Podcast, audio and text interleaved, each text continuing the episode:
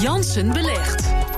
Het is weer tijd voor Rob Jansen belegt. Uh, ook een van de favoriete rubrieken van uh, Rob zelf. Uh, die begint er altijd vrolijk bij te lachen. nou, dat kan me wel voorstellen. Je belegt 10.000 euro, waarvan er ook nog een hoop in je... in kas. In kas ligt. Ja, zeker. Ja, 5200 euro. Oh, dat, dat, zit, in kas. Dat, zit in kas, ja. ja want um, Jij doet dat om uh, nou, te kijken waar loop je allemaal ja, tegenaan. Ja. Hoe is dat? Uh, om daar ook. Uh, Lastige keuzes te maken. Precies. In te schatten hoe het gaat. Ja. Hoe gaat het? Nou, de, de, de, de, lijn van vorige week zet zich voor in die zin dat je ziet die beurzen al weken stijgen. En ik zit nu dus op het, op het punt dat ik zowel bij obligaties als bij aandelen in ieder geval een positief rendement heb. Samen met de winstuitkeringen die er zijn geweest. En ja, je moet je voorstellen, ik heb ik ben eigenlijk ingestapt op het top van de markt de, eerder dit jaar, in mei. Dus ik heb een heel, heel dal meegemaakt. Nou, dus moet ik dus eerst al die verliezen die ik bij, de, bij het begin heb gemaakt, moet ik eerst goed maken. En ik zit nu door dat ontzettend lange, of althans een aantal weken al uh, van stijging, zit ik nu uh, in een. Uh, begin het bij mij nu ook zeg maar enigszins groen te kleuren. Nou, nou dat is leuk. Dat is mooi. Enigszins groen? Dat ja, dat betekent het gaat niet. Je bent weer niet tevreden? nou ja, enigszins groen. Groen is groen, toch? Of? Jawel, okay. dat wel. De rendement is wel positief, maar het gaat niet hard. Hè. Het, want okay. de, de, de, uitgangspunt is op de lange termijn, dus verstandig, geen grote risico's nemen. Ja. Spreiding dus ook. Dus, dus die dingen ontwikkelen zich ook verschillend.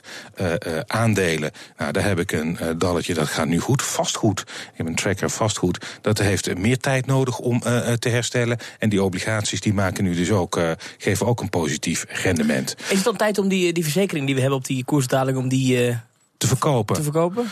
Nou, ik laat hem liever nog even zitten. Okay. Het is uh, de, de, interessante vraag, vooral in deze tijd. Oktober crashmaand zeggen ze wel eens. Het is 30 jaar geleden, op een maandag 19 oktober 1987, ja. had je Zwarte Maandag. Toen gingen de beurzen met zo'n 23% naar beneden. Dat was echt een serieuze uh, crash. En ja, je, wat zie je nu? Uh, recordstanden, echt all-time highs in Amerika. Um, op uh, Damrak zie je de hoogste stand voor, voor, deze stand, hè, 546 punten, moet je zo'n 10 jaar terug. Dus dat, dan ja, dringt de vraag zich op: zijn aandelen niet te duur uh, aan het worden. Dus er is een discussie gaande. Ja, ja, zitten we in een piek, zeg maar. Zitten we in een piek, staat het niet op klappen. Als je nou kijkt naar de winstontwikkeling in Amerika bijvoorbeeld van bedrijven... Uh, die gaat veel langzamer dan de ontwikkeling van de koersen. Dus dat groeit uit elkaar. Hoe lang is dat houdbaar? Ja, veel analisten, veel experts die zeggen... ja, eigenlijk zijn aandelen uh, te duur. Maar ja, wat kun je anders? De rente is laag, je kan nergens naartoe. Dus voorlopig gaat dat misschien nog wel, stijgt dat nog wel even door. Wat wordt nu je volgende stap, Rob?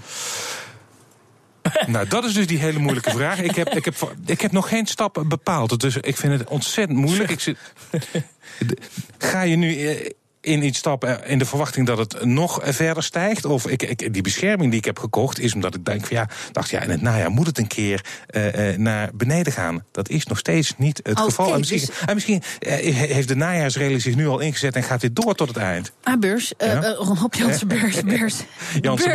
Jansen Beleg. Um, de beurs is psychologie. En dat is dit natuurlijk ook. Nu bedenken ja. van, hé, wat ga ik doen? Ja, dus, die twijfel die hebben ook vermogensbeheerders. Precies. Wat ga je nu? Ga je informatie inwinnen? Je jawel, advies jawel, inwinnen? Heb je een denktankje voor jezelf gecreëerd die je kunt raadplegen? Wat ga je doen?